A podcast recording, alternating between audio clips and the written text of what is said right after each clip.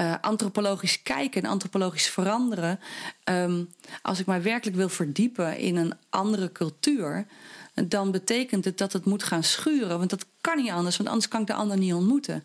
Dus ook in dat ontmoetingsproces um, zitten, uh, zitten tranen of emoties, zit verbazing, zit dat kan toch niet? Of hoe zit dat nou? Of hoe werkt het dan voor mij? Dus ik zeg, put your skin in the game, weet je wel? Ja. Je erin gooien. Want daarmee, dus, dus ik, ik heb wel gezegd van als je de ander eh, in de confrontatie met de ander ontmoet je vooral jezelf. En ik denk als je jezelf durft te ontmoeten op alle lagen, dan gaat er wat gebeuren. En dat is voor mij een goed gesprek. Ja. Dat is voor mij waar, uh, wat mij betreft, politiek en grote bedrijven en besluitvorming over moet gaan. Jitske Kramer zit hier tegenover mij en is corporate antropoloog. Ze heeft meerdere bestsellers op haar naam staan en is een van de meest gevraagde sprekers op het moment.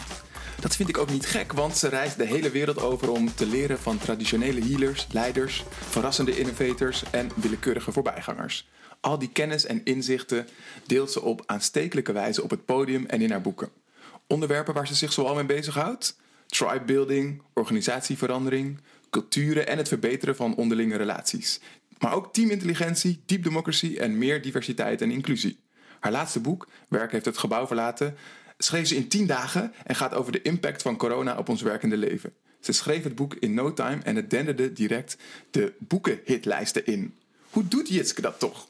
Haar sprekerswerk breidt zich inmiddels uit door heel Europa. De ideeën en initiatieven volgen elkaar in rap tempo op. Zo hangt er nu zelfs een docu in de lucht. Jitske denkt snel en heeft veel ideeën. Hoe ziet haar creatieproces eruit? En wat kunnen we leren van haar antropologische manier van kijken en denken?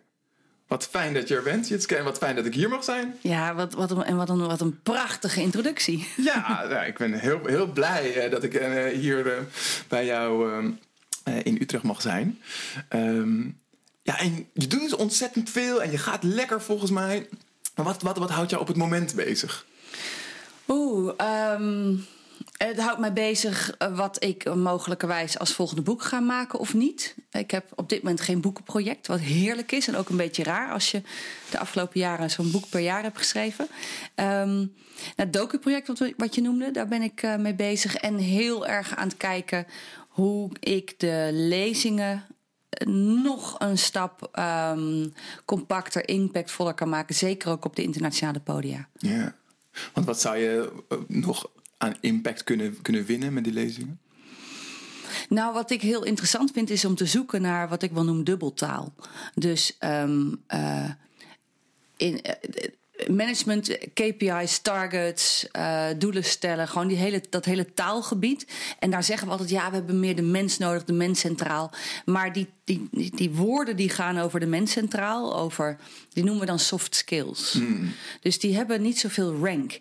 En um, die, die ranking daarvan is lager. Dus ja, je moet goed luisteren, dat weten we wel, maar om eigenlijk om iets te zeggen. Dus uh, praten heeft meer nou ja, vinden we vaak belangrijker dan goed luisteren. Weet je wel? Dus ja. Ik vind het interessant om te kijken hoe kunnen we juist die, die zachtere en daarmee snoeiharde uh, uh, vaardigheden op een even groot podium zetten als al die andere dingen. Dus target stellen is natuurlijk belangrijk en je structuur is hartstikke belangrijk. Maar echt empathie voor wat er allemaal speelt en, het, en de signalen opvangen, dat is de sleutel naar meer intelligentie in je team. Hoe maken we dat nou even belangrijk? Uh, werkelijk even belangrijk? Ja. Nou, dat, dat is, vind ik een hele interessante zoektocht. En kan het, denk je, vanaf een podium? En eigenlijk, want een podium is eigenlijk ook al zo'n zo'n impactvol. Het is eigenlijk ook al een zend medium. Ja, een podium heeft wat mij betreft een masculine codering. Ja, precies. En, um, en dit zijn een feminine waarden. Ja. Uh, en het is hoog tijd dat die uh, op een vet podium komen te staan. Ja. Oh, vet. En, en daar, heb je daar al ideeën over? Ja, ik ben er natuurlijk al mee bezig. Dus het is het uh, blenden van gebruiken van muziek. Ik ben nu met Typhoon bezig om in Nederland een, een hele mooie masterclass neer te zetten samen. Waarin we onze verhalen en vakgebieden blenden. Um, dus het is zoeken, eigenlijk wat dat betreft, het theatrale op durven zoeken. Wat ook gaat over emotie en over beleving. En dat in managementland invoegen. Dus, dus de coderingen liggen er wel en de frames liggen er wel. Maar het is voor mij zoeken hoe breng ik het op een hele passende, kloppende manier bij elkaar. Zodat het, uh, ja, dat je niet alleen kennis deelt, maar echt weggaat met ik. ik ik, I, I changed a little. Of weet je, er is gewoon iets gebeurd. Of Ja? je kijkt naar echt een beetje anders. Dat is wat ik vind eh, dat het eh, ja, de, de opdracht van een goede spreker is. Ja. Ja. Gaaf om te zien dat je daar ook zo gepassioneerd en serieus mee bezig bent. Hey, wat gaaf dat je luistert naar de Creators Podcast. De podcast die je helpt om meer uit je ideeën te halen. Jij bent geweldig, dat weet ik gewoon. Maar laat jij wel genoeg van jezelf zien? Zien jouw ideeën voldoende daglicht? Ik ben jouw host, Ruben Klerks. En elke aflevering creëer ik samen met een andere gast een nieuwe bron van inspiratie om jou te helpen ook meer te creëren, meer van je ideeën te delen en meer van jezelf te laten zien. Luister lekker verder, raak geïnspireerd en dan, niet langer wachten, laat jezelf zien, maak die ideeën waar. Je bent veel gevraagd sp- spreker en ehm, je, je zou ook lekker op je lauren kunnen rusten en eh, doorgaan zoals je, als je bezig bent. Maar je hebt dus blijkbaar ook echt een drive om zelfs daarin nog te zoeken naar. Ja, weet je, mijn, mijn drive komt uiteindelijk eh, neer op. Ik, ik- in de kern, ik ben echt antropoloog. Dat is een belangrijke identiteit. En waarom ik dat ben gaan studeren was: waarom doen mensen de dingen zoals ze dingen doen en waarom doen ze het niet anders? Nou, dat, dat blijft een vraag waar je duizend jaar mee bezig kan zijn. Daarbinnen is mijn fascinatie als we dan mensen tegenkomen die het anders doen, in plaats dat we dan nieuwsgierig zijn worden we eerder. Waarom doe je dat zo? Of met een beetje pech slaan we elkaar de hersens in. Dus mijn fascinatie zit. Hoe, hoe kunnen we beter omgaan met mensen die anders kijken? En op een kleiner niveau, hoe kan je makkelijker en, en rustiger omgaan met me- iemand die gewoon een andere mening heeft? Terwijl we kennen het allemaal. Het, het in je lijf, je voelt meteen. "Ah," of nee. Ja. Of, of oh, maar hoe moet dat dan? Dus we zijn zo gespannen rondom tegenstellingen, eh, conflicten, net als creatie eh, en diversiteit. Het klinkt best wel leuk, weet je. Oh ja, gaan creëren. Maar creatie betekent mogelijk ook kapot maken van iets wat niet meer werkt, Ja. weet je. Dus het heeft die twee kanten. Schepping, ja, ah, leuk, maar scheppingskracht, werkelijke scheppingskracht is ook ja, afscheid nemen van iets. Of iemand die iets roept wat conflicteert met hoe je het nu altijd doet. En, en mijn fascinatie zit erover dat we dat zo slecht kunnen eigenlijk. En dat we daar tegelijkertijd zoveel verlangen op hebben. Nou, en die, en die conflicterende energie, Ja. ja. die vind ik mateloos interessant. En, en ik denk dat daar, ja, daar kom je elke keer weer op een andere laag en op een andere manier. ehm, Ja. ja. kom ik daarop uit. Dus ik denk dat ik daar nog wel. eh, nou, laten we zeggen, 40 jaar. eh, Ja, dat zal waarschijnlijk nooit ophouden, want we blijven dingen doen. Eh, en waar, waar, waar denk je dat die fascinatie vandaan komt? Waar is die ontstaan, die fascinatie voor waarom mensen dingen doen? En Bij mij. ja, Nou ja, ik, ik, ik denk in een bepaalde manier heel klein. Ehm, ik was een jaar of drie, vier. Toen migreerden mijn ouders van Leiden naar Groningen. oh, En dat, naar het Hoge Noorden. Naar het Hoge Noorden. En, en migreren, het is anders dan dat je van eh, Marokko of Australië of waar, wherever in de wereld echt naar een ander gebied gaat. Maar voor mijn familie was dat wel het gevoel van migreren naar Ja. een ander dialect. Eh, het was in de tijd dat telefoneren duur was. Eh, dus wij gingen echt uit de familie naar niemand. We kenden niemand. En ehm, ik, ik had een Leidse R op dat moment, want ik had mijn taal in Leiden verworven. En dan ben je in Groningen een kakker. Ah ja. En ehm, nou, Jitske, zijn Friese naam. Ehm, ik heb verder geen Friese roots, maar voor degene die dat weten, de, de, band tussen Groningen en Friesland is een joking relationship. Dus ja, de, de, de grap is, de, de, de mooiste plek in Friesland, zegt een Groninger, is de bus naar Groningen. Weet je, het is een beetje zo'n. Soort van. Nederland-België in het ja, klein. Ja, dat. eh. Dus ik had, ik had een Friese naam, een Leidse R, eh, was import. Dus in het heel klein. En het waren echt kleine dingetjes. Het is op wereldschaal niks. Maar ik herinner me wel van, oh, maar het is echt wel anders. En mijn grootouders, andere grootouders, kwamen uit Maastricht. En daar had ik tantes die dan tien minuten zeiden, we gaan Nederlands praten. En na tien minuten was het Maastrichts. En, en, en deden daar echt dingen heel anders. Dus als kind was ik al echt wel van, hè, maar waar, waarom is dat zo? En ook meteen die spanning wel voelen. Van waarom, waarom vinden we dat niet gewoon grappig? En mijn oma had in de gang een, een tegeltje hangen. En daar stond op: Uit gouden korenaren schiep God de Maastrichtenaren. Uit het restant de overige van het land. Oh, wauw. En het is fantastisch natuurlijk. Maar ik herinner me dat ik daar als nou ja, achtjarige in die gang stond. En wat ben ik dan restant? En hoezo de overige? En waarom is dat dan belangrijk om op te hangen? En dat zal oma toch niet bedoelen? Nou ja, dat soort vragen hebben mij als kind altijd al bezig gehouden. En dan, ja, dan, toen ben ik antropologie gaan studeren. Wauw, wauw. Ja, en, en je noemde net al even dat je, dat, dat, je, dat je dus ook moet loslaten. Dus je hebt eigenlijk ook zelf al op jonge leeftijd al je woonomgeving achtergelaten loslaten. Maar je was drie, zei je? Ja, dus, dus dat, dat, dat, dat, herinner ik me niet zo hoor. Nee, het is meer de zoektocht naar. En toen ik een jaar of 13, 14, toen ben ik uh, een paar maanden naar Australië gegaan, naar familie. En, um, uh, en daar eigenlijk gemerkt hoe je. Ben ik naar high school gegaan en woonde, wel, woonde ik opeens op een boerderij. Ik ben stadskind.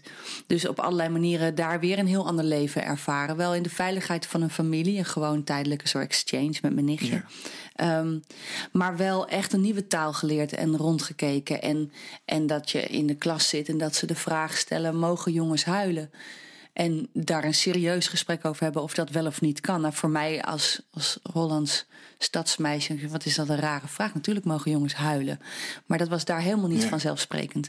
Dus het, op die manier wel altijd bezig geweest met uh, ja, hoe kan het anders? Ja. En, uh, en, en de verbazing, waarom worden mensen daar zo boos over? Ja, ja. Dus um, Maastricht, Groningen, Leiden. En nu ben je uiteindelijk lekker in het midden van het land gezeten in, in Utrecht. Waar, waar ben jij thuis? Hmm. Oh, uh, uh, ja, wat is ook weer die mooie songtekst? Wherever I lay down my head is my home. Ik ben thuis bij mezelf. En, en dat is al echt zo. Dus, ja. um, uh, en thuis bij uh, geliefden om mij heen. En uh, fysiek om mij heen of gewoon dichtbij. Dat kan ook ja. op, op, kilometers afstand zijn. Maar nee, ik voel me gauw thuis. en um, ik vind het fijn om lang, of op, nee, laat ik het zo zeggen, ik vind het heerlijk om in Nederland te zijn. Het is wel echt uiteindelijk de plek waar ik denk ik behoor te zijn. Um, maar als ik te lang in dezelfde culturele context zit, dan, dan, dan moet ik weg. Hm, wat is dat dan? Ja, dan praat iedereen hetzelfde en we vinden allemaal hetzelfde. We kijken allemaal naar hetzelfde journaal en we weten allemaal hoe de wereld zit. En het is allemaal slecht en dit is goed en dit is bub, bub. En als je dan alleen al een weekend naar Antwerpen gaat vanuit Nederland... en je kijkt vanuit iets afstand naar het dorp Nederland... dan ga je echt al andere dingen zien. Dus ik moet er af en toe uit. En ik moet af en toe naar plekken waar ik letterlijk de mensen niet kan verstaan. Omdat je dan totaal nieuwe informatie... moet je zintuigen anders aanzetten. Je hoort nieuwe dingen, ziet nieuwe dingen. Dus voor mij is het echt zo belangrijk om af en toe uit de culturele context te stappen die ik ken. Um, dat kan een professionele context zijn, landelijk, maakt niet uit. En daar helemaal eruit. En dan, ja, hoe groter die culturele afstand is die ik dan pak, hoe meer nieuwe dingen ik zie. Ja. ja. En, dat, en dat je op elke plek waar je je hoofd neerlegt thuis kunnen zijn, is dat iets wat je, denk je, nodig hebt als antropoloog? Ja. Ja. Dat je. Want wat je eigenlijk doet, is je steeds weer in nieuwe culturen begeven. En misschien wel ook spanning en onzekerheid opzoeken. Zeker. Uh, ja. en op een gegeven moment het, het, vertrouwen hebben dat je de skills hebt om met die onzekerheid te dealen. En ja. dat het sowieso goed komt. Hoe dan ook. Dus, dus improvisatietalent goed aanwakkeren. En improviseren is niet gewoon maar wat doen. Het is um, goed oefenen op onzekerheidsvaardigheden. En, uh, en resilience. En weten hoe je daarmee omgaat. En hoe je contact legt met jezelf en anderen. Um, hoe je snel uh, verbanden legt. Zowel in het begrijpen van hoe dingen gaan. Maar ook verbindingen met mensen om je heen. Waardoor je ja, na een avond ergens ja, eigenlijk al ja, de omgeving wat eigen kan maken. Ja. Heb je het idee dat je door jouw werk en je ervaringen nu mensen beter begrijpt? Um, nou, ik denk dat. Nou, weet ik niet. Ik denk wel dat ik steeds beter de menselijke dynamieken begrijp. Dingen die. Dat je denkt, ja, elk groepje mensen heeft dat. Ja. Dus dat je denkt, ja, dat, dat, dat snap ik wel. Dat er iets is met in- en uitsluiting. En dat er iets is met uh, rondom besluitvorming en macht. Wij waren hier eerst dus. Dat zie je overal terugkomen. Dus je gaat op een gegeven moment um, de patronen meer zien. Maar de individuele mens Mhm. wordt een steeds groter mysterie. Dus dan krijg je hoe meer je weet, hoe minder je weet. Dat je, hoe, hoe is het mogelijk dat we. Wat, wat zijn mensen toch bijzondere wezens? Dus het is ook voortdurend verbaasd blijven in oh, oh, wat grappig, mensen doen het zo. Of, Ja. Dus het is die voortdurende verwondering. Ehm, want als ik zou denken dat ik het weet, ja, dan stop je met nieuwsgierig zijn. Ja, ja bijna elkaars tegenovergestelde. Ja. En je hebt de afgelopen zeven jaar zes boeken geschreven. En je geeft eh, wereldwijd lezingen op grote podia. En je hebt een bedrijf, Human Dimensions, wat inmiddels is eh, uitgegroeid tot een bedrijf met tien mensen. Wat maakt jou zo succesvol?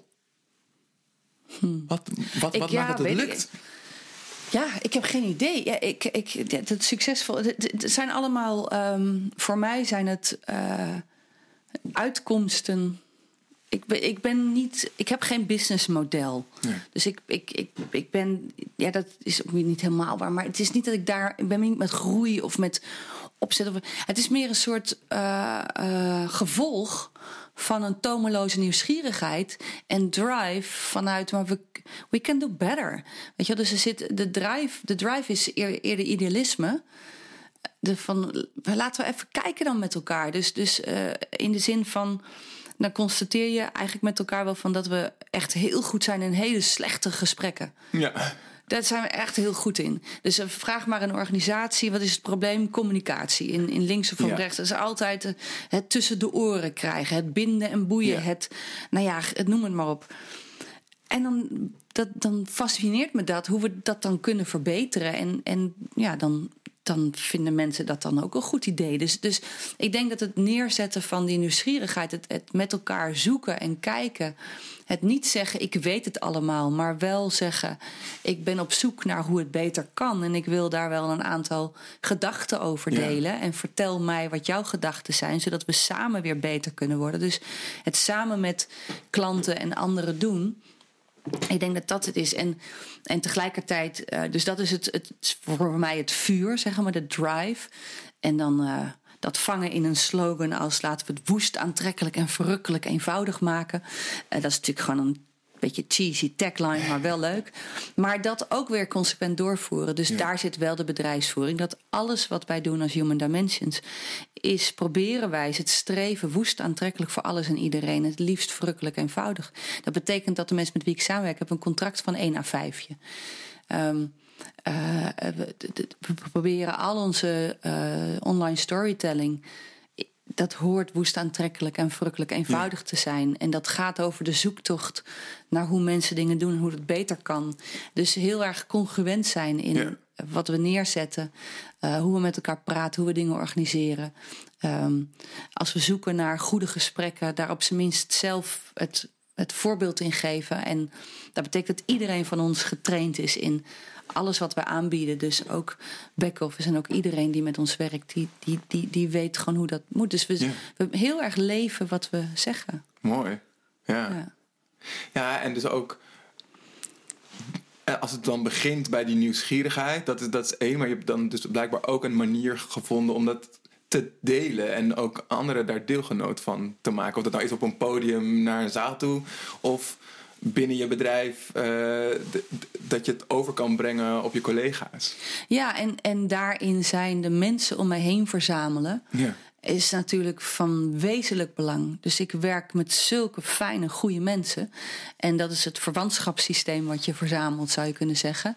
Ehm, en dat betekent dat ik eigenlijk alleen werk met mensen die passie voor hun werk hebben. Ja. En het maakt me niet uit wat het werk is, maar ik, als ik iemand nodig heb die mijn kraan komt maken, dan werk ik het liefste met iemand waarvan ik denk: wow, dit is echt, die heeft echt passie voor loodgieterij, weet je wel. Ja. Dus ik vind dat heel dat, hè, ja. belangrijk. En, en op het moment dat je dat eh, vindt en die mensen vindt die, die gaan voor wat ze, waar ze voor staan en net dat, dat stukje extra lopen, ja, dan, dan kan je met elkaar eh, meters maken en, en, en, en hele, ja, tot grote hoogte stijgen. En dat vind ik heel mooi. En ik denk dat een, als je vraagt, wat is het succes? Een deel van het succes is ehm, eh, die, ja, maar dat klinkt heel technisch, die vibe neerzetten. Ja. Maar ik ben niet bezig met een vibe neerzetten. Ik ben bezig te leven. Ja. En daardoor wordt het neergezet. En de andere is denk ik dat, dat wat ik doe ook wel heel erg meesurft met de tijdsgeest. Dat ik daar een beetje geluk mee heb ook. geluk? Of, of weet je ook die tijdgeest aan te voelen en erop in te spelen? Ja, dat is dan aan anderen om dat te beslissen. Ik, ik denk het wel. ja. Nou ja, eigenlijk denk ik dat je, dat je laatste boek daar ook een voorbeeld van is. Ja. Dat, je, dat, dat je sowieso in tien dagen dat schrijft. En wat ik begreep, dat je ook echt even dat moment zo midden in die cor- coronapandemie wilde, wilde vatten en, en, en daar een weerspiegeling van geven. Dat, dat een voorbeeld van hoe je de, hoe je de tijdgeest aanvoelt en Ja. daar dan op, op, op, op inspringt. Maar, maar, maar dat heb je waarschijnlijk niet gedaan omdat je dacht, ik wil een nieuwe bestseller schrijven. Nee, dat is dus, dus dat is wat- dus dat. Dat is ontstaan vanuit eh, zoeken naar wat is nou die impact van corona. De, de bizarre gegeven dat je wereldwijd anderhalf meter afstand moet houden. De enorme impact die zoiets alleen al heeft op Ja. bedrijfsvoering, op mensen, op, op gemoedstoestanden, op emotionele welzijn. En eh, de hele zoektocht dat iedereen zou in oktober 2020 echt van hoe hou je verbinding op afstand. We waren zo moe met elkaar en het niet weten. En echt in een soort. We kunnen bijna niet meer voorstellen, weet je, wel, we leven weer door, maar even zo terug. Het was echt een zware tijd, weet je. wel. En dat je toch dacht, nou, het was over. Oh, toch niet, weet je wel. En, en hoe erg gaat dit nog worden? En Ja. gaan businessen omvallen? Wat gebeurt er met de horeca? Wat gebeurt er met het stadscentrum? Weet je, echt eh, grote thema's. En dan voor mij is het, ik denk van ja, maar ik heb wel een aantal ideeën, weet je wel. En dan denk ik van, ik wil dat opschrijven. En ik wil die eigenlijk een etnografie maken. Het is heel antropologisch Ja. van dat wat er is. Dus ik gooide een vraag op LinkedIn. Hoe houden jullie verbinding op afstand? En die echt honderden reacties, duizenden likes. En ik wow, dit is een, dit is een open wond haast. En Ja. Ik wil hier iets mee. En dan zeg ik, als ik hier een boek over schrijf... en dan in tien dagen, want ik had niet meer. Dus ik, ik tien dagen. En dan had ik ook zoiets, dan moet het voor 1 december in de winkel liggen. Want Want je begon het te schrijven in? ja, eh, wat, ja in- het is in- van zes weken van idee tot winkel. Ja. Dus eh, ja, in Wauw. december. Ja. Dus, en dan dacht ik van ja, dan ga ik dat doen. En, en wat ik zo gaaf vond in die tijd is dat ja, zelf opgelegde channels. De, de uitgever sprong mee, dus ook de vormgever en, en mijn redacteur en iedereen die, die ging. En het effect was ook, en dat vond ik zo gaaf, dat naast het schrijven. ehm, ik berichtjes kreeg van mensen: Wow, jij doet dit in tien dagen. Wij zijn met ons managementteam gaan zitten. Wat kunnen wij dan in tien dagen doen? Dus de, de, de, de, de, besmettelijkheid van zo'n challenge neerzetten. In een tijd waarin iedereen eigenlijk in mineur zat. En echt, want zoek ik zelf ook. Ik had zelf ook zoiets van: Maar ah, weet je, ik moet, heb iets nodig om hou vast te hebben. Nou, het Reline-project. Ja. Nou, dat ga ik dan creëren. En, ehm, en dat vind ik gewoon heel erg leuk. En dan zet je er zoveel energie op, die echt voor mij vanuit mijn tenen komt en mijn hart. En vanuit daar iets neerzetten.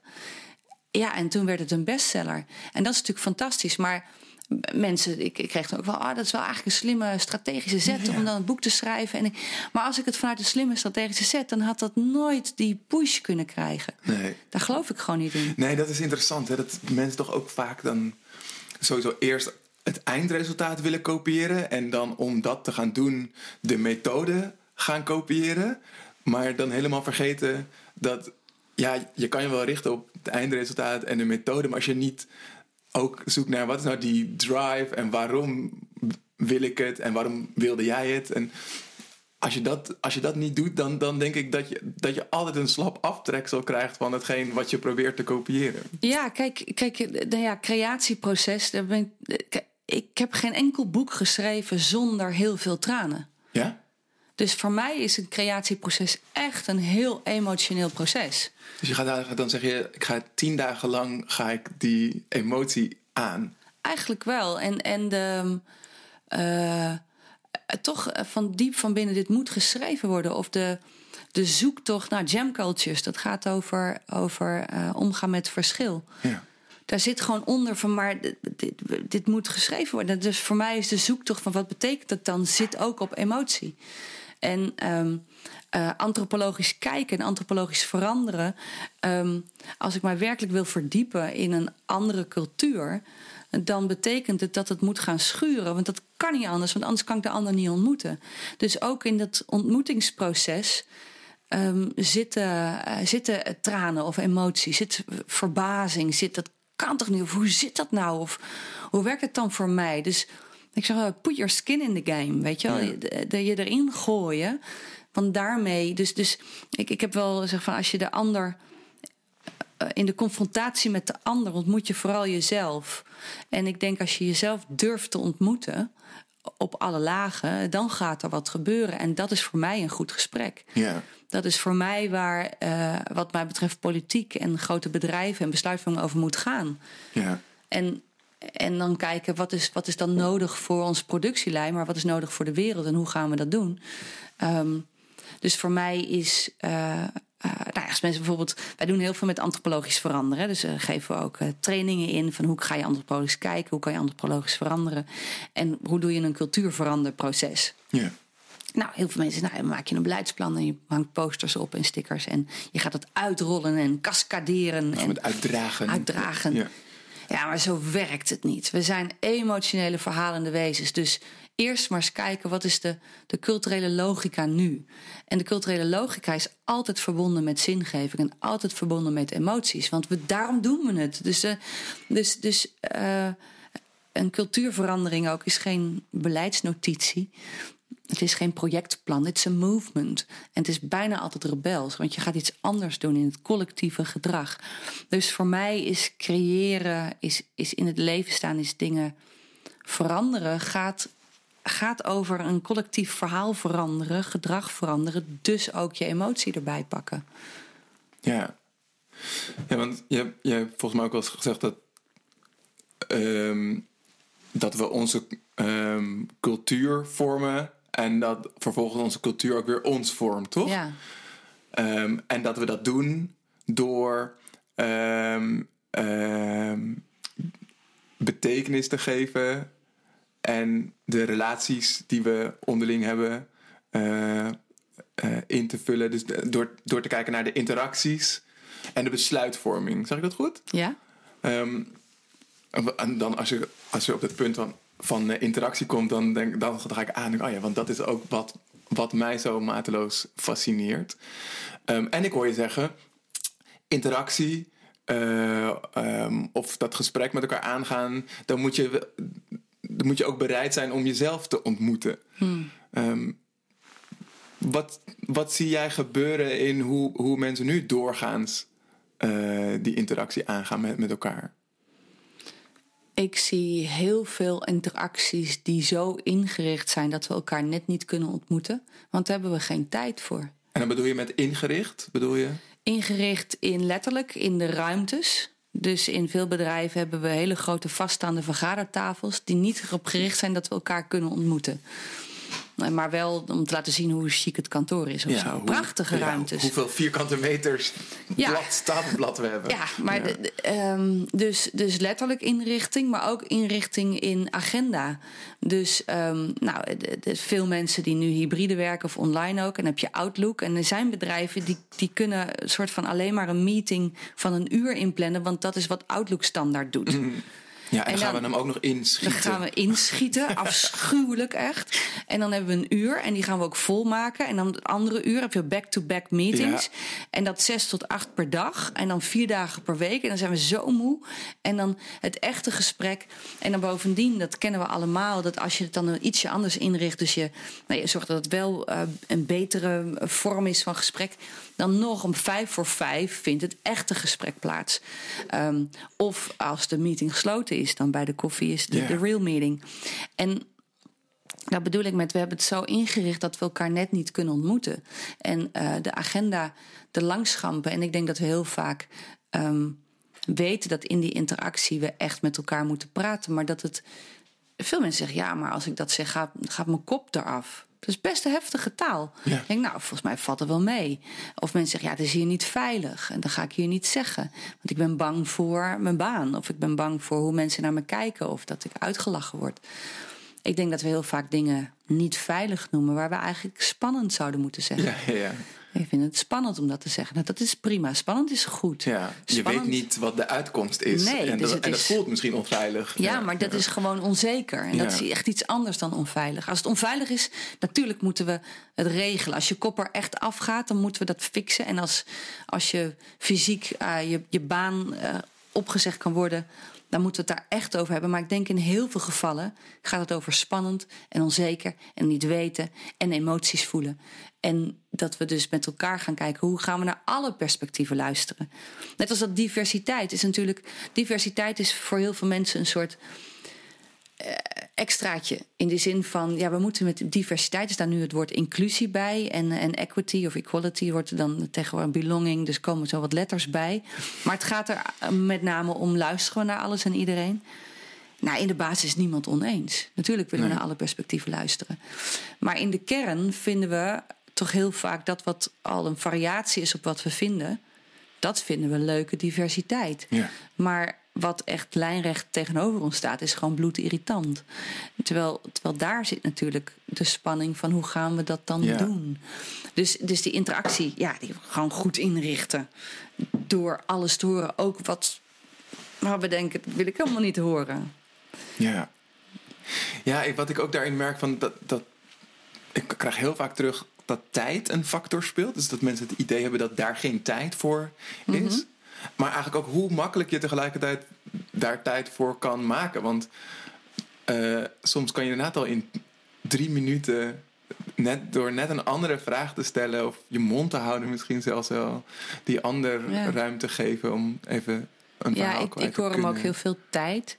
Ik denk dat gaat om een aantal dingen. Ja, het gaat om kloktijd. Ik denk dat we te veel willen met elkaar. Dus het gaat meer om keuzes maken. Ja. Dat is weer wat anders. En, eh, en intensiteit. Dus wat Ja. doe je met de tijd die je hebt? En ik kom veel tegen dat dan die vergadering te laat begint. En dat rommelt zich maar aan. En dat eh, de een nog even dit, nog even. Dus dan ben je allemaal op die rommeltijd. Die tien minuten, kwartier rommeltijd. Nou, prima. En dan is het natuurlijk minder tijd voor de vergadering. Maar het is ook een kwestie van hoe, wat doe je met de tijd die je hebt? Hoe intens maak je het? En durf je een vergadering te beginnen met welke rol zouden we eigenlijk met elkaar moeten delen? Wie gaat eerst? Nou, dat is best een goede vraag. Ja. Dan wordt het intens van. En daar hebben we opeens best wel tijd voor. Dus ehm, ja, het, het zijn veel, ik denk veel designvragen. Veel Ja. wat willen we met de Ja. tijd vragen. Precies. En soms willen we te veel en dan moeten we keuzes maken. Dus het is een prioriteitsstelling. Ja. ja, ja dat, dat vind ik interessant. Ik denk, ik, zeg maar, mijn, mijn, mijn titel die ik met me meedraag met enige knipoog is Conversation Designer. Dus ik, dus ik geloof ook heel sterk in de kracht van dingen ontwerpen met elkaar. En vooral ook je bewust ervan zijn dat alles is ontworpen. Dus zelfs als je niet ehm, eh, zelf nadenkt over hoe je je vergadering anders zou willen ontwerpen, dan stap je in een vergadering die ooit is ontworpen door iemand. Als je pech hebt door iemand die niet eens in diezelfde ruimte aanwezig is. Eh, dus denk, als je daar al kan beginnen met je bewust worden van: oké, in wat voor conversatiedesign zit ik nu? En wat werkt daar voor, mij aan en wat werkt daar niet aan? Dan, dan wordt het ook makkelijk om inderdaad soms kleine dingetjes eh, er, eruit te kunnen halen. Ik had, ik had laatst had ik een eh, sessie die ik gaf. En toen gaf ik voor de pauze aan van... joh, eh, we doen even 10 minuutjes pauze. We gaan om 10 uur 51 weer verder. Eh, specifiek. We gingen om 10 uur 41 eh, pauze houden. 10 uur 51 gaan we verder. Nou, 10 uur 53 was nog niet iedereen binnen. Maar de, het gros van de groep zat al. Nou, dus ik begon meer dat we weer verder gingen. En, dan, en, en toen zei er iemand van... ja, maar we zijn nog niet compleet. Ik zeg, nee, dat heb ik gezien. Maar we gaan toch beginnen. En, en, en later kreeg ik daar een vraag over van... ja, het is, is niet echt ehm, iedereen betrekken en, en activeren wat jij doet, toch, Ruben? Eh, ik zeg, nou, ik denk dat het wel iedereen betrekken en activeren is... want we hebben een afspraak dat we om een bepaalde tijd verder gaan. En er zitten elf mensen die zich aan die afspraak hebben gehouden... die eigenlijk anders de dupe zouden zijn van dat er één iemand, om wat voor reden dan ook, en dat is helemaal prima, eh, die, die er dan niet is. En dan zie je ook dat bij mensen ook heel snel dat, dat knopje om kan gaan. Ah, zo, zo kan het ook. Ehm, maar ik vond nog het allermooiste ervan dat diegene erop terugkwam, dat hij daarnaar vroeg. Ehm, want ik denk, ik denk dat dat nodig is, dat we met elkaar ook het, het hebben over. eh, het, het klinkt een beetje gek, maar dat we met elkaar het gesprek aangaan over hoe we gesprekken hebben met elkaar. Ehm, en ja, in, in, in mijn ogen doen weinig mensen dat. Dus eventjes nog ergens op terugkomen van... hé, maar waarom deed je dat, dat nou? En dan schieten we volgens mij heel snel in... oh, ja, maar dat, Ruben dat is een eikel of een slechte trainer, want die doet dat. Het, het is zo simpel om even bij iemand te checken. Ja, dat is die nieuwsgierigheid. En, de, en het besef dat je in alles een normering neerlegt. Dus wat is, wat, welke norm is in zo, dat voorbeeld hoger? We beginnen als iedereen er is, of we beginnen op het tijdstip dat we hebben afgesproken? Dat is natuurlijk een, wat is nou, wat is, wat is leading? Dus wat is de bovenliggende norm?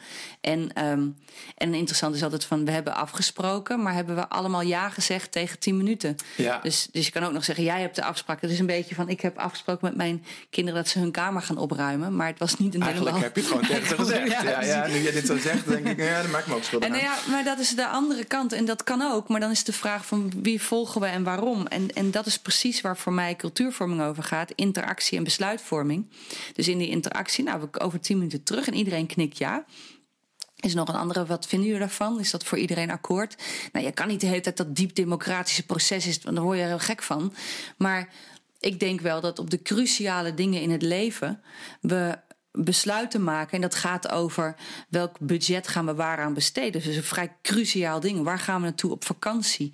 Gaan we welke FTA's uh, eh, komen erbij of eraf? Het zijn wat gaan doen we met die cliënten? We hebben heel veel cruciale besluitvormingsmomenten in het leven. In het werkend leven ook.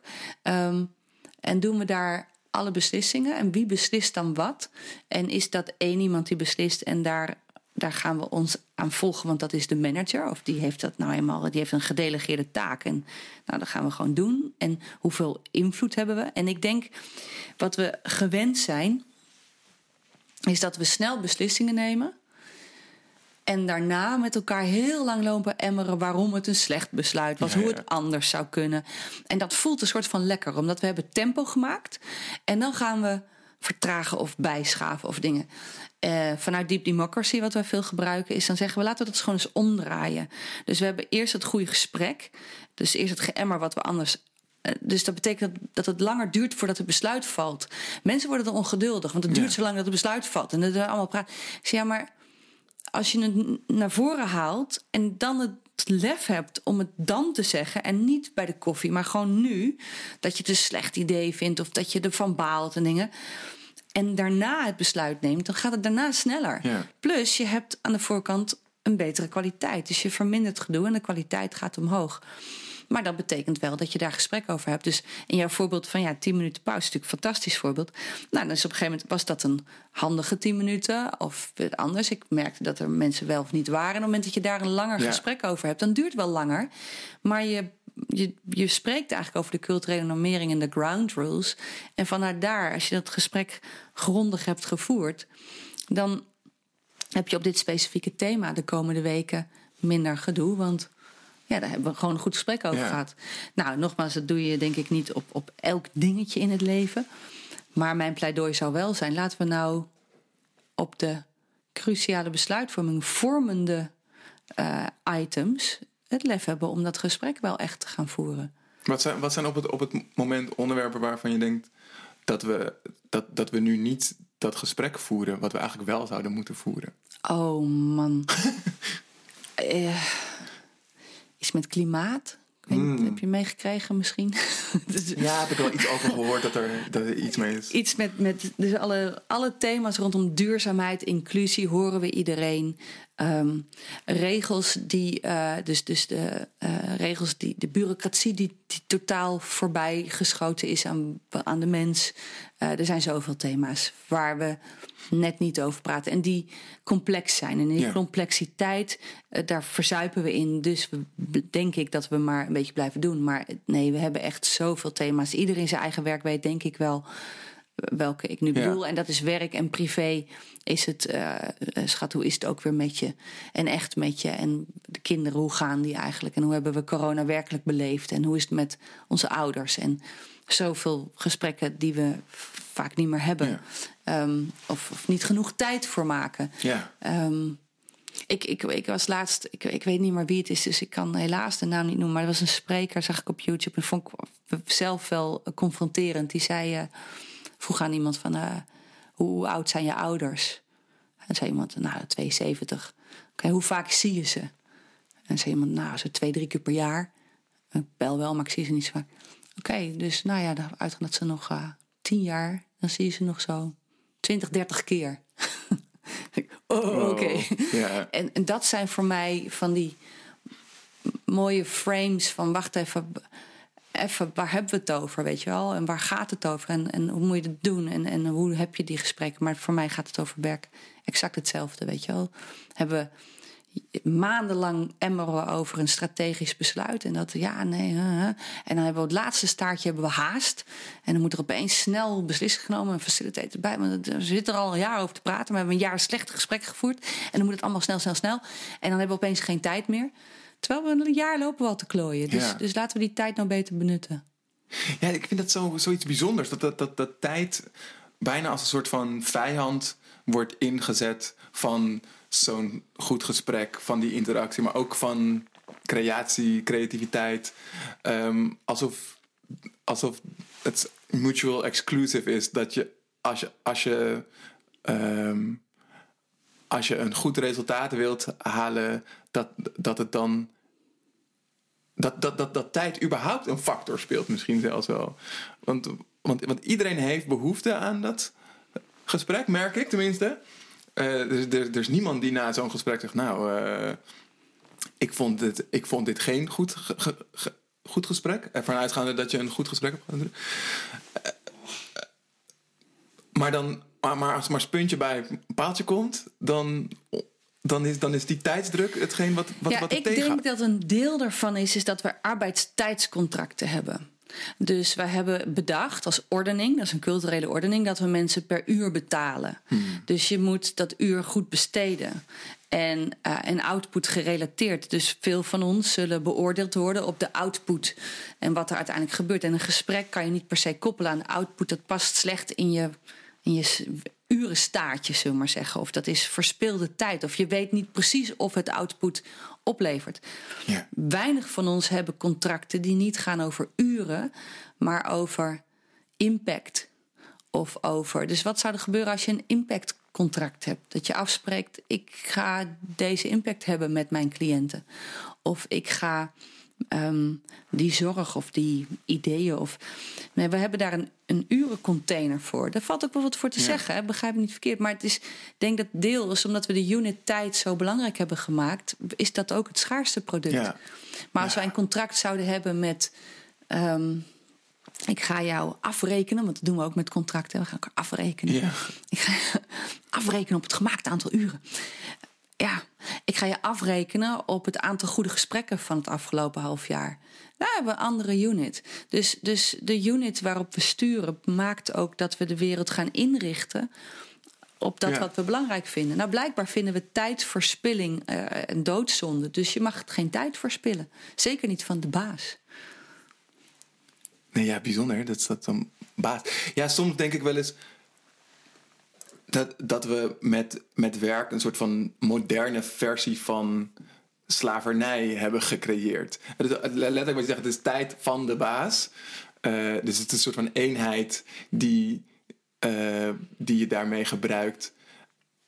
En, en waardoor mensen ook een bepaalde vrijheid missen voor hun gevoel. En dus het is ook niet voor niets dat als, als, als mensen voor zichzelf beginnen, dat ze het dan hebben over eh, het vrije leven. Ja. Eh, terwijl jouw werkgever heeft jou niet aan de ketting. eh, dus dus kan, kan je ook die vrijheid ervaren binnen, bi- binnen je werk. Ja, en het vrije leven voor de ZZP'ers, die nu ongetwijfeld ook luisteren, is ook op zondagmiddag moet je gewoon nog wat doen. Ja, ja misschien wel minder vrij. ja, dus, dus het, het blendt veel meer. Dus de work-life balance is ook een frame wat we bedacht hebben. Ja. een cultureel construct. Dat we een balans moeten vinden tussen, tussen werk en privé. Alsof dat twee units zijn. Ja. Ehm, ik denk dat het veel meer blendt. Maar ja, daar, daar zijn de meningen over verdeeld. En wat is dan de, je eigen tijd en de tijd van de ander? En dat zijn we bijvoorbeeld met corona, de impact daarvan. Is dat we hebben gemerkt hoeveel het scheelt als dat door elkaar heen loopt.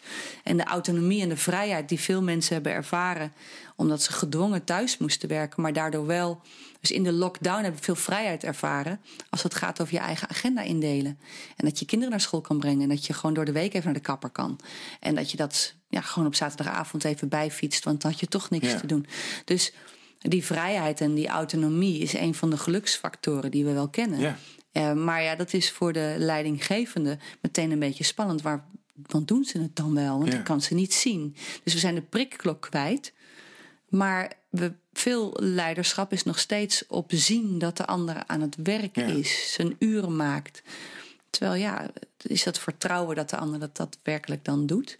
En ja, vertrouwen geven en nemen gaat Ja. natuurlijk twee kanten op. Precies. Want wat, wat zie jij aan bedrijven, hoe ze daarmee om zijn gegaan eh, nadat mensen weer, weer terug naar het werk konden gaan? Ehm, ja, hoe, hoe ze dus om zijn gegaan met dat, dat hun werknemers misschien wel die vrijheid en die verantwoordelijkheid hebben ervaren. eh, eh, en hoe ze daar dan vervolgens weer mee om zijn gegaan. Ik zie veel verschillende. Soms heb ik, hoor ik bedrijven die zeggen: Nou, het is nu wel klaar geweest, nu kom je allemaal weer naar kantoor. Ehm, ik- Terug in het gelid. terug in het gelid. Ja, nu kan ik je weer zien.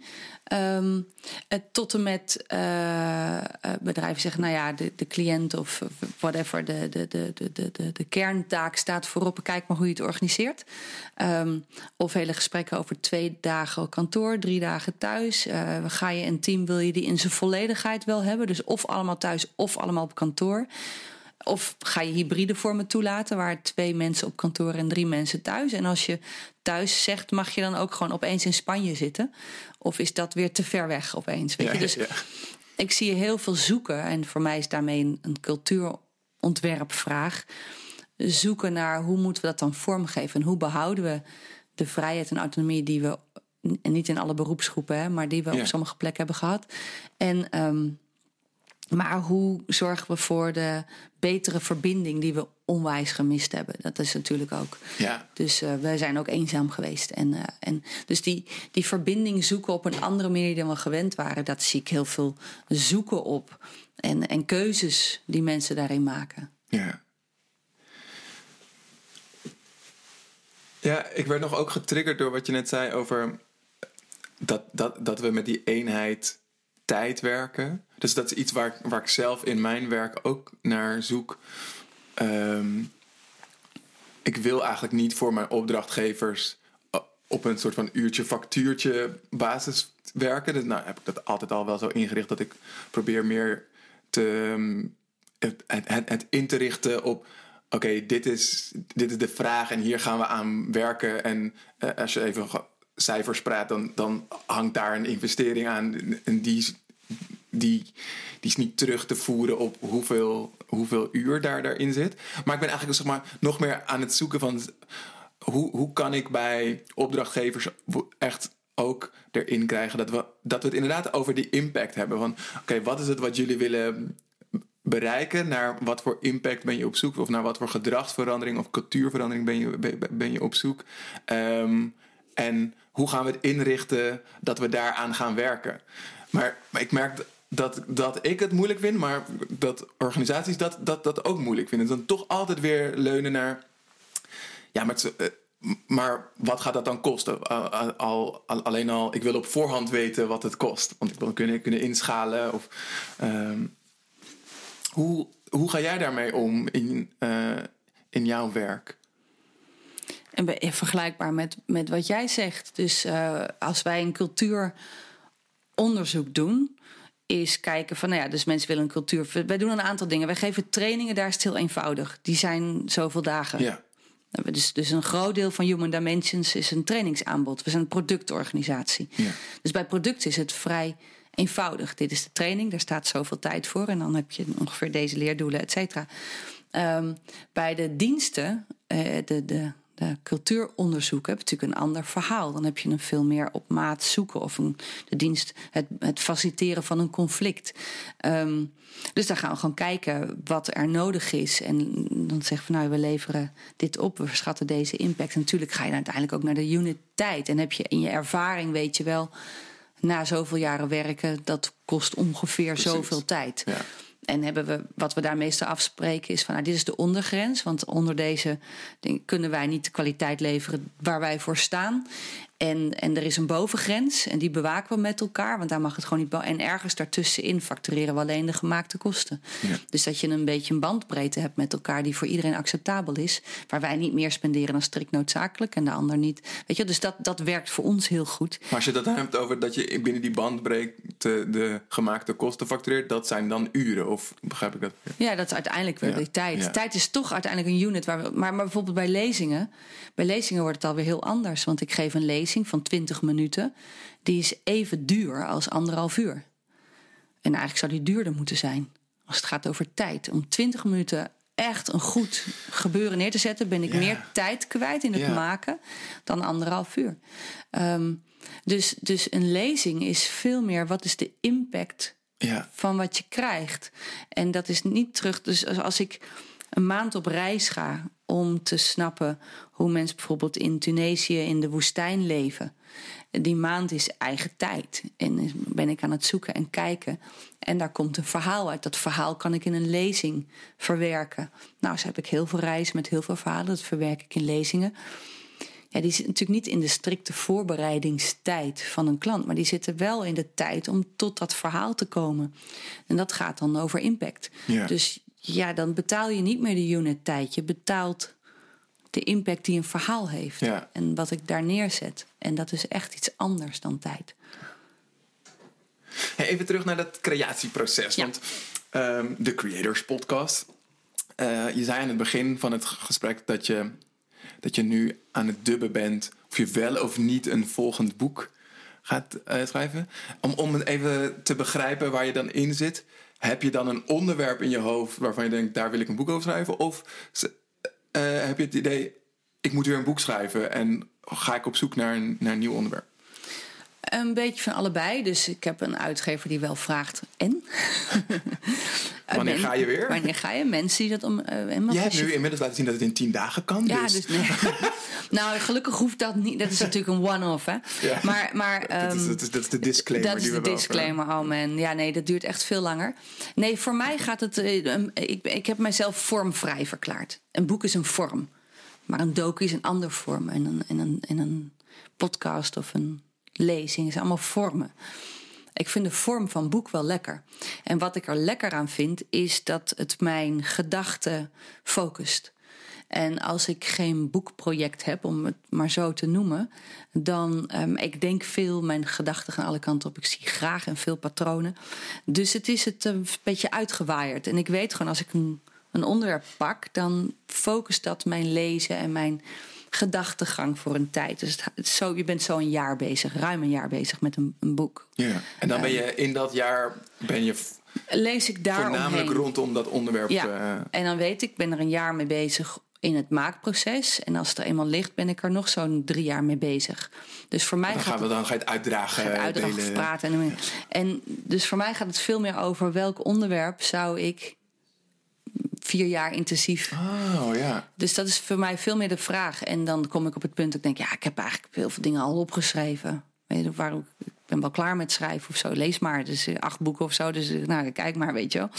Um, maar eh, tegelijkertijd is het heel erg lekker om weer ergens op iets te focussen. En, en ik ben nu met maakprocessen, met Typhoon, die masterclass aan het maken, een podcastserie. Superleuk. Um, dus ik heb allerlei die documentaire serie waar ik hoop dat die gaat vallen. En dan gaan we heel veel reizen en, uh, en, en aan de slag. Dus genoeg te doen, zullen we maar zeggen. Maar ik vind een boek lekker omdat het me intellectueel een beetje kanaliseert. En dat vind ik heel erg leuk. Maar ik schrijf niet een boek om een boek. En ik schrijf ook niet een boek om het te verkopen. Ik schrijf een boek omdat ik een urge heb, een drive om over iets te schrijven. En heb je nu zoiets? Nou, dat, soms wel, soms niet. Maar elke keer als ik heb al een aantal uh, hoofdstukindelingen gemaakt, mm -hmm. maar zeggen. En dan vliegt het weer weg. Dus ik heb niet op dit moment iets waar ik helemaal denk, ja. En het sluimert wel de hele tijd. En ik weet gewoon dat ik, nou ja, ben een beetje aan het kijken. En wat is het dan wat me zou grijpen? En welk onderwerp wil ik pakken? En, um, en het is bijna welk onderwerp wil mij pakken. Ja. Het, is, het is niet alleen ik. Je kunt niet echt in mijn beleving niet op zoek gaan naar iets. Dus ik vind bijvoorbeeld mensen zeggen: ik wil spreker worden. En dan moet ik nog even kijken welk onderwerp voor mij belangrijk is.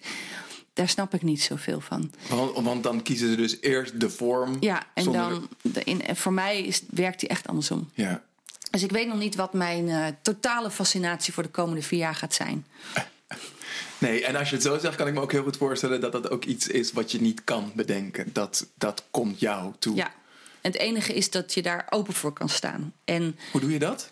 Ehm, door te praten met mensen, door boeken te lezen, door naar musea te gaan, door naar theater te gaan, door Ook eigenlijk weer nieuwe, nieuwe invloeden, impulsen, invloeden en Ja. letterlijk openstaan. Ik, ik mediteer niet, ik ben daar, ik kan, ja, weet ik, dat doe ik niet zo, maar ik, het is wel een vorm van, eh, nou, letterlijk openstaan en je openstellen voor iets wat je kan grijpen. En dat is een andere beweging dan iets actief zoeken. Ja. Ja, je zegt dat je niet mediteert, maar ik heb ook wel dingen van je gelezen en gezien waar je het hebt over stilte opzoeken en stilte gebruiken. Hoe, hoe ziet dat eruit voor jou dan? Een stuk wandelen. Ik kan ook heel. eh, ik, ik, ben, ik kan wel. Ik, dat is volgens mij heet dat ook een bepaalde vorm van meditatie. Is eh, gewoon met veel aandacht de afwasmachine in en uitruimen. Ja. Nou, Dus mindfulness is dat mindfulness eigenlijk. is ja, het, ja. dus het, daar, daar, dat ben ik wel heel erg van. Dus wat ik doe, ik ben waar ik ben en niet ergens anders. Dat is, ik kan, en, en dat is leuk en niet leuk voor allerlei mensen om mij heen. Want dan ben ik ergens en niet ergens anders. Ja. En, ehm, maar dat is voor mij echt een belangrijke manier van informatie tot mij nemen en, eh, Ja. en verwerken. En, en toen wij elkaar eerder spraken, toen zei je... Ik heb eigenlijk de afgelopen jaren heel hard gewerkt en gebouwd en iets neergezet. En je constateerde best wel trots van... Ja, maar eigenlijk staat dat nu wel. Ja, Ehm, en wat, wat, wat, wat doet het met je dat je op zo'n punt komt... dat je, ja, dat je gewoon kan zeggen... Oh ja, dit heb, dit heb ik nu neergezet. En nu? Ehm, ja, het is een mengeling van eh, niet-Nederlandse trots. dus echt wel, dat ik denk, ja, wauw, het is echt wel vet ook, weet je. Ehm, ehm, en ehm, daarbinnen, wat het in creatie met me doet, is dat ik denk van, oh ja, nu, dus ik wilde heel graag veel meer internationale podia en reizen. Dat lukt allemaal. En dat dan gewoon heel goed willen doen. En, en goed is voor mij gaat over vakmanschap. Dus echt, hoe kan je dan nog mooier en daar waar we mee begonnen, lezingen goed neerzetten. En wat wil ik met die reizen en dat. En verder geeft het de enorme eh, creatieve vrijheid om dus echt te kijken wat grijpt me om mee aan de slag te gaan. En, ehm, en waarom zou ik dat willen? En voor mij ja, is dat vanuit vuur. Dus waar gaat het vuur naartoe? En, ehm, en dat vind ik alleen maar heel mooi. En verder is er gewoon. Kijk, als je. Nou, wat, wat er nu staat qua ondernemerschap heb ik in vier jaar neergezet. Ehm, dat is fantastisch. En dan kom je bij het volgende culturele verandervraagstuk: is continuïteit. Ja. Dus hoe behoud je wat je hebt?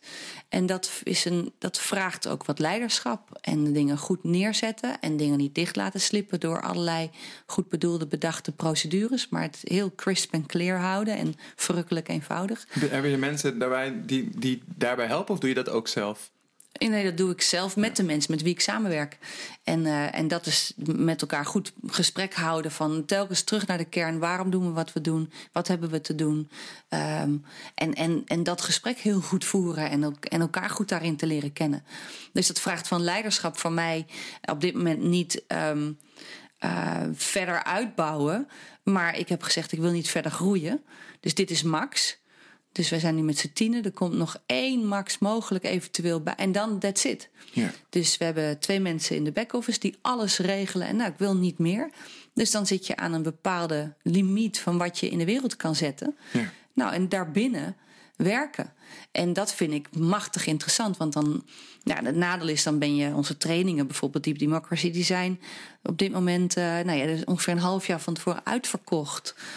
Nou, dan zeg je, ja, maar dan kunnen we nog meer. Of dingen. Nee, het is goed zo. We hebben echt kwaliteit staat heel erg hoog. We hebben hele bijzondere mensen met wie we werken. Allemaal hele eigen identiteit. En mm, waar iedereen zijn vakmanschap heel hoog heeft. Laten we daarvan genieten en dat zo goed mogelijk doen. Maar dan ga je dus andere vormen bedenken. Hoe kunnen we meer mensen in dezelfde tijd bereiken? Of hoe kunnen we op een ander ehm, gremium spreken? Dus wij hebben, als wij kijken naar ondernemerschap, hebben we criteria om een klus wel of niet aan te nemen. Die criteria zijn fun, impact, leren en geld.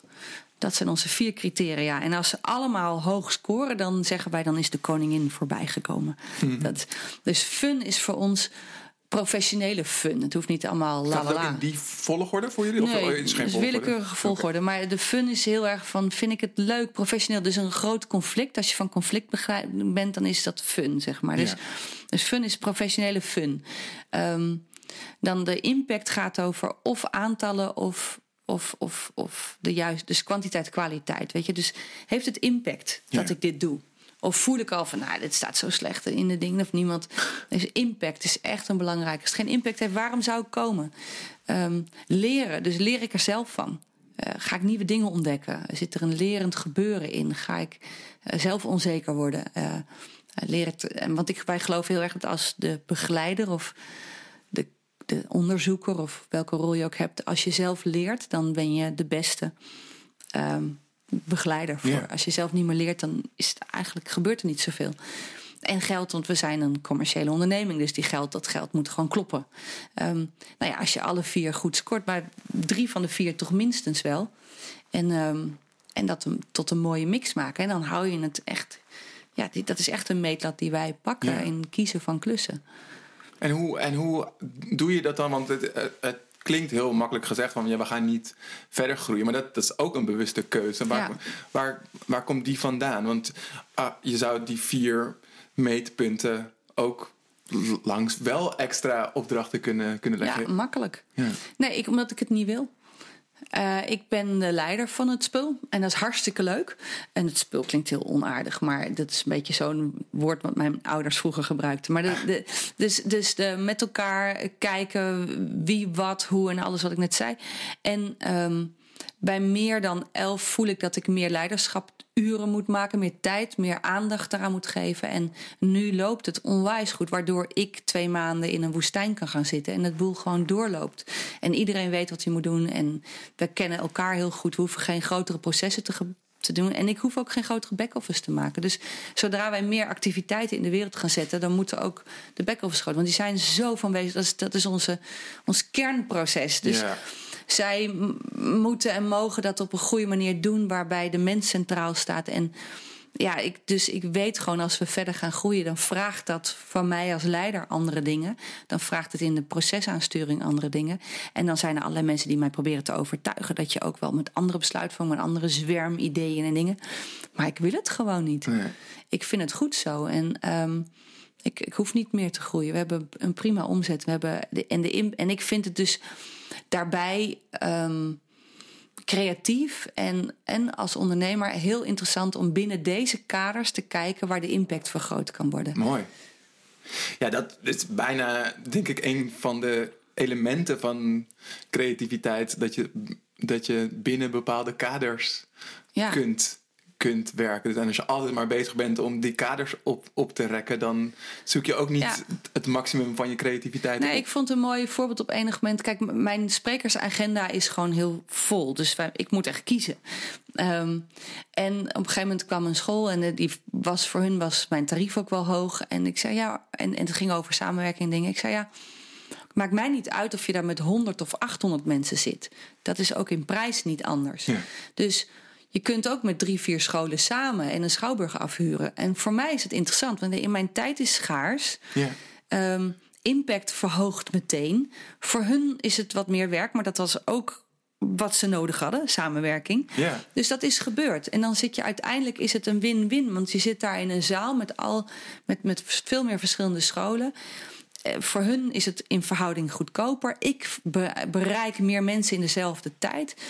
Dus ik vind het ook heel leuk om te werken binnen die parameters. Ja, wat goed. Ik ben nog wel benieuwd van. We hebben, we hebben verschillende dingen aangestipt. Onder andere over um, nou, hoe, hoe jij creëert en uh, wat voor rol interactie daarin heeft. Wat, ehm, wat zou jij mensen op de werkvloer gunnen?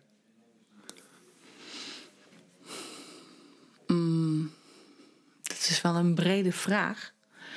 In zijn algemeenheid gun ik mensen dat we ehm, meer bereidheid hebben om geraakt te worden door wat een ander zegt en bereid zijn om onze mening bij te stellen.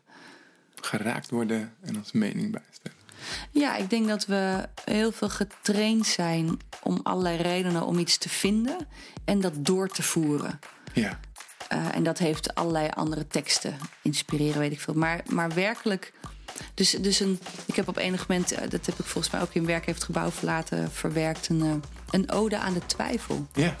Dus ik gun ons meer twijfeltijd. En niet vertwijfeld waar je wakker van ligt, maar gewoon dat we zeggen: ik weet het niet. Dat is oké. Okay. Ik ga eens kijken wat het antwoord zou zijn. En dat we meer op, op reis zijn met elkaar. Mooi. Ontzettend bedankt, Jitske. Graag gedaan.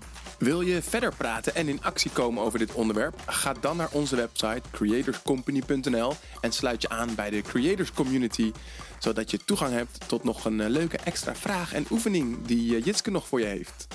In de volgende aflevering spreek ik met Laurens Knoop, creatief directeur en een van de oprichters van de Nederlandse School of Life over onderwijs en ontwikkeling. Tot de volgende Creators Podcast.